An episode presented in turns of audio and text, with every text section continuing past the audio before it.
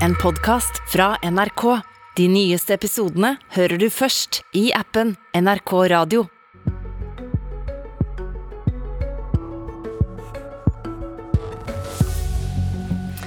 Frykten øker i Europa. Kan krigen i Ukraina også bli en atomkrig? Det er ikke lenger grunn til å nøle. Alle atomvåpen må forbys, mener AUF. Slett ikke, svarer Unge Høyre. Så lenge russerne har våpen, så er det bra at våre allierte også har det. Ja, Vladimir Putin skal være sinna og frustrert. Ifølge amerikanske etterretningskilder har den russiske presidenten satt i gang en krig han ikke tåler å tape.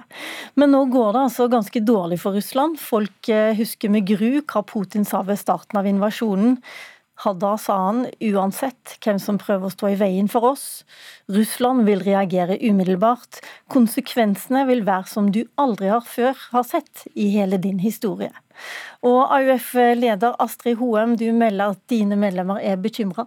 Ja, altså man er bekymra for utviklinga i krigen i Ukraina. Man er bekymra for at det er krig på europeisk jord. Man er bekymra for, for, hva som blir ettereffektene av det. Men allerede før krigen også, så var man jo bekymra for at flere av de internasjonale avtalene rundt atomvåpen faller. INF-avtalen mellom Russland og USA fall. Iran-USA-avtalen fall. Og det er veldig få som hadde tro på at ikkespredningsavtalen faktisk skulle ha reell effekt. Så bekymringa for bruken av atomvåpen var jo allerede økende før krigen. Og så får man jo en krig som øker spenningene, som øker faren for misforståelsene, eh, og som i tillegg også der eh, Russland har trua med bruk av atomvåpen. Og Da er det klart at man er bekymra eh, for, for hvilken utvikling og om man kommer til å klare å få internasjonale avtaler som faktisk fører til avrustning og ikke-spredning på atomvåpen. Og så vil AUF ha et internasjonalt forbud mot atomvåpen. Og så vil du at Norge skal slutte seg til en FN-traktat som sier at man ikke skal verken produsere, oppbevare eller støtte eller prøvesprenge atomvåpen. På hvilken måte vil det hjelpe nå? Altså, det finnes jo allerede et internasjonalt forbud som veldig mange land har skrevet under på, og som Norge nå også skal delta på startspartmøtet for første gang. Og jeg mener at et forbud er det veien å gå. Eh, flere av de mest grusomme våpnene vi har, har vi gått inn for forbud for, f.eks. For på klasevåpen, som også er en del av det vi nå kan fordømme Putin på. Eh, og et forbud vil jo være med på å legge et politisk press på våre ledere på at man må ha nedrustning av atomvåpen. Og så skjønner jo vi òg at det er nok vanskeligere å snakke med Russland i den situasjonen vi er i i dag, men Putin kommer ikke til å være leder for alltid. Og vi må også legge planene for gjensidig nedrusting for at vi skal klare å kvitte oss med atomvåpnene. Og da tror vi at forbud er veien å gå, for det er allerede det som er i gang med at flere land skriver ned på. Hvorfor er forbud ikke veien å gå, Ola Svenneby, du er leder i uh, Unge Høyre? Jeg tror Astrid har helt rett i at eh, et forbud, eller denne traktaten i FN kan legge press på politiske ledere. Men jeg tror det kommer til å legge press på våre politiske ledere. Og det er riktig at mange land har skrevet under på den, men det de landene har til felles, er stort sett at de ikke har atomvåpen, og at de ikke er medlemmer av Nato. Og så deler jeg Astrids bekymring, og jeg deler også den generelle bekymringen for verdensfreden og for bruk av atomvåpen, men jeg mener det er et selvstendig poeng at det er Jeg tror ikke det er at de landene som ikke har atomvåpen, som har satt seg sammen, eh, satt, eh, at det er de landene som setter seg ned, som vil klare å eh, få slutt på bruk og produksjon av atomvåpen. Da må man ha med eller kjernevåpen. Da må man ha med de landene som faktisk har mange av dem, sånn som Russland og USA, og sørge for at man har, har nedrustningsavtaler i stedet. Jeg tror til og med at en, en, et sånt type forbud kan ha ha nettopp den effekt at det er vestlige ledere som blir pålagt å følge den, mens ledere slik som Putin eller Xi Jinping eller andre autoritære ledere velger å ikke gjøre det. Men når dere diskuterer dette i AUF Astrid Hoem, så er det vel en slags betryggelse også for dine medlemmer at eh, ok, hvis eh, Putin skulle gå til det skrittet, så har Nato også ganske mange, mye muskler, og dessuten kan svare med samme mynt? Altså det er jo ekstremt skummelt hvor mye atomvåpen vi har i verden. Vi sitter jo på atomvåpen som gjør at vi kan sprenge jorda vår i lufta på veldig mange måter og veldig mange ganger. Og det trenger ikke bare være krig, det er nok av eh, situasjoner opp gjennom historien der man har sett at misforståelser har gjort at vi har vært ganske nær atomkrig.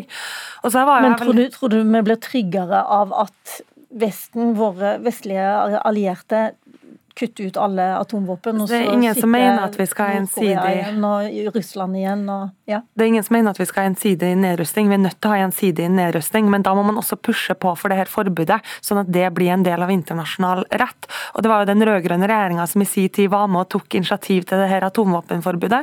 Så tapte vi jo dessverre valget. Høyre tok over og bestemte seg for å ikke delta i like stor grad i de forhandlingene. Så mye av det Ola også er inn på her, med at det er flere land som kunne vært en større del av det, vært med på å skrive ned, det kunne man også vært med på å forhandle på. Men utfordringa er jo at Høyre aldri har vært like interessert å få til et atomvåpenforbud. Eh, og det er mange ting ved denne avtalen der jeg også tror at man kunne hatt annerledes, men da måtte man også sittet ved bordet fra start og forhandla. Nå er det denne avtalen som ligger på bordet, som flere land har skrevet ned på, som er det viktigste bidraget vi har til å kunne få til nedrustning, avspenning på sikt. Og så er jo Den store faren med atomvåpen er jo at det er ekstremt skremmende. I år er det 77 år siden Hiroshima og Nagasaki, som tok livet av 135 000 mennesker på et øyeblikk. Vi kan stå overfor brutale humane konsekvenser hvis atomvåpen blir brukt. og Derfor så tror jeg det er større fare at vi sitter på store atomvåpenlager rundt omkring i verden. Svenby, la meg bare snu det spørsmålet til deg. For Hvis det er sånn at eh, Putin skulle gå til det skrittet å bruke atomvåpen, kanskje ikke de store strategiske, men et mindre taktisk våpen for å bombe en by, er det da riktig av Vesten å svare med samme mynt? Det ville jo være like ille, vil det ikke det? Jo, jo, det er jeg helt enig i. og Atomvåpen er jo helt forferdelig våpen. og Det er ikke noe automatikk at fordi at et annet land bruker det, så skal vi besvare det med samme mynt. Atomvåpen har jo også en annen funksjon som er avskrekking. Og Russland og Ukraina-krigen, eller Russlands invasjon av Ukraina, har jo nettopp også vist at um, hvis vi hadde væpnet Ukraina fra start, ikke med kjernevåpen, men hvis vi hadde væpnet dem fra start, gitt dem våpen fra start, så ville det vært vanskelig å invadere dem, nettopp fordi at man har den avskrekkingseffekten. Så det er mer den som er poenget. Um, bare for å, bare for å understreke. Vi skal ha dem, men aldri bruke dem. Uh, i, i, altså, ikke vi, men uh, våre allierte. nei, jeg mener at sånn, det er moralsk og, og, og, etisk galt på alle mulige måter å, å, bruke kjernevåpen. og Hvis vi hadde laget verden på nytt, så, ingen, så ville jeg helst ikke hatt noen land som, som, hadde hatt dem. og igjen, Det skal ikke være noe automatikk at fordi Russland bruker det, så skal vi bruke det. Men poenget er jo at um, ta denne, denne avtalen som, som, ligger på bordet der, der man har en, et forsøk på et forbud mot atomvåpen. så Eh, ser man jo da på Russland hvordan de opererer i Ukraina, at de bomber Røde Kors-sykehus som er mot folkeretten, at de bomber sivile, at de går til angrep mot sivile, at de begår seksuelle overgrep mot, mot, mot kvinner. og Det understreker jo nettopp poenget at en sånn avtale vil um, ha vært potensial til å utelukkende legge begrensninger på våre allierte og legge begrensninger på vår forsvarsallianse, mens um, Russland og Kina trolig kommer til å ture på seg på sånn måte. Og så mener jeg åpenbart at vi skal jobbe med Kina og Russland, men det må atommaktene gå sammen om å gjøre. Det det er snakk om nå, Hoem, er altså en FN-traktat som Norge ikke har slutta seg til, men vi har den, den norske regjeringen, den rød-grønne, eller dagens regjering, har bestemt at man skal sitte med som observatør. Mm. Det, hvor mye hjelper det i den situasjonen som er der nå? Det er et viktig steg i riktig retning. Norge var det første Nato-landet som sa at vi skulle møtes som observatør. Rett etter oss så ble Tyskland inspirert av det, og skal også gjøre det. Så det å delta på det observatørmøtet og faktisk være med på å diskutere med de landene som ønsker å signere og har ratifisert atomvåpenforbudet, tror jeg er riktig vei å gå. Og så mener jeg at selv om Norge og ganske mange av de landene som har skrevet under, kanskje er mindre i verdenssammenheng enn USA og de andre store atomvåpenmaktene, så er det viktig at vi også er med på legge et press. For nå har flere av de internasjonale avtalene falt. Vi har ikke det samme regelverket å forholde oss til for nedrustning. Da trenger vi et nytt et. Jeg tror atomvåpenforbud er veien å gå, men da trenger vi også at land som Norge og Nato-land som Norge er med på å legge press på land som Russland og USA for gjensidig nedrustning. Veldig kort spørsmål til slutt. Du utfordrer Unge Høyre her, men du kunne jo likevel utfordre, like godt utfordre ditt eget parti, for Arbeiderpartiet er ikke enig med deg? Og Det gjør vi, og der har vi jo tatt opp på landsmøtet Arbeiderpartiet flere ganger, og også fått gjennomslag i Hurdalsplattformen, nettopp for å møte på det startspartmøtet som er viktig for AUF. Men foreløpig altså ikke gjennomslag. Tusen takk eh, Astrid Hoem, leder i AUF. Takk også til Ola Svenneby, som er leder i Unge Høyre. Jeg snur meg til deg, Simen Ekan, du er NRKs korrespondent i Brussel. Der viser altså en meningsmåling at et stort flertall i Belgia frykter storkrig. Er det atomkrig de er redde for?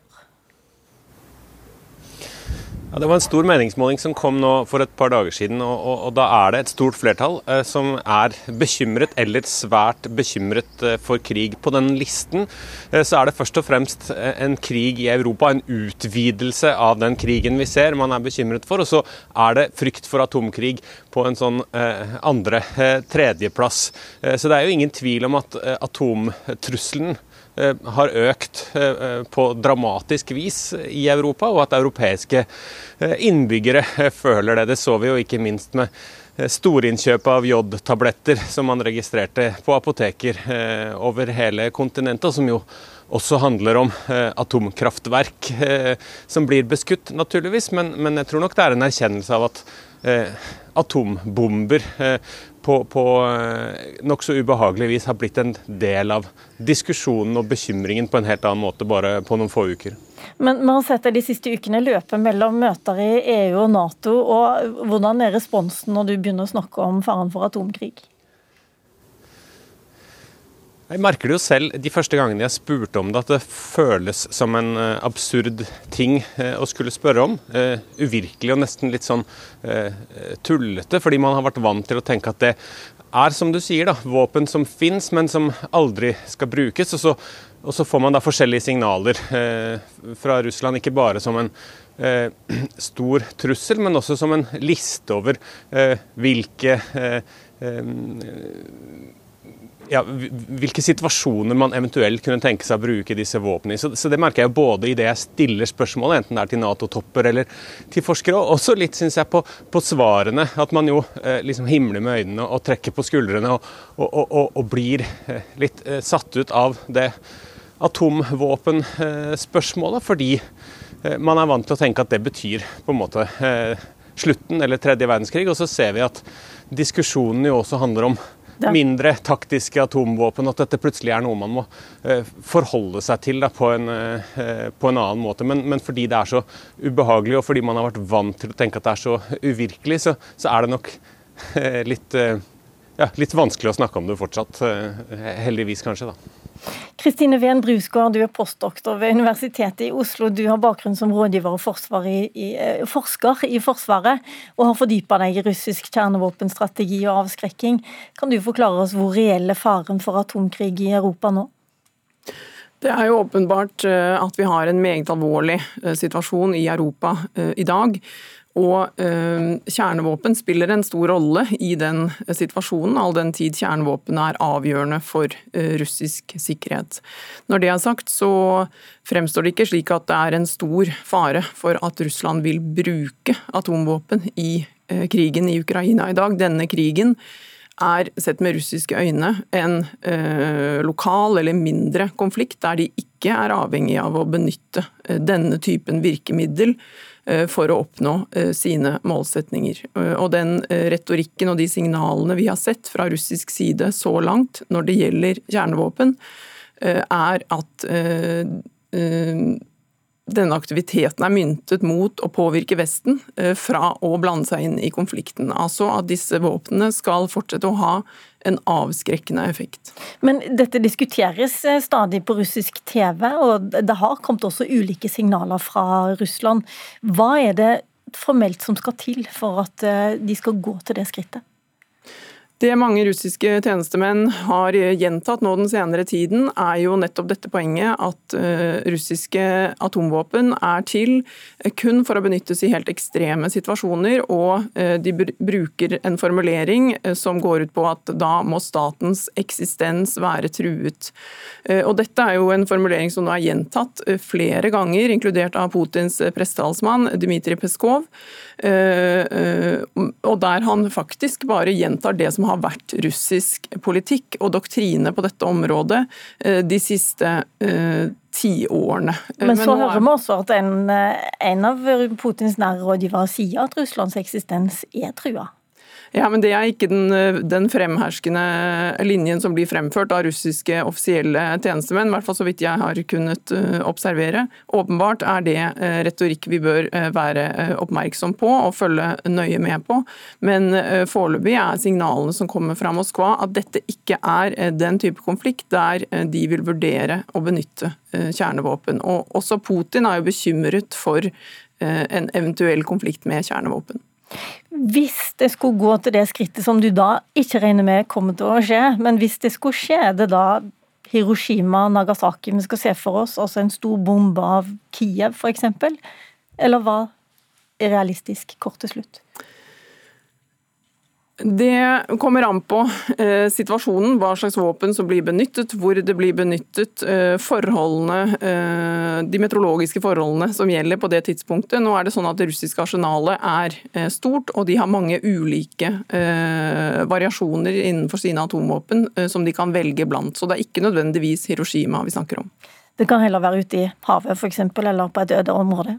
Det kan det være for å demonstrere viljen til å bruke disse våpnene. Tusen takk, Kristine Wenn Brusgaard. Jeg tror du har uh, fått noen til å puste litt lettere i løpet av dagen. Tusen takk også til lederne i AUF og Unge Høyre, og til Simen Ekan som var med fra Brussel. Mitt navn er Lilla Sølhusvik, og det var det vi rakk i dagens Politiske kvarter.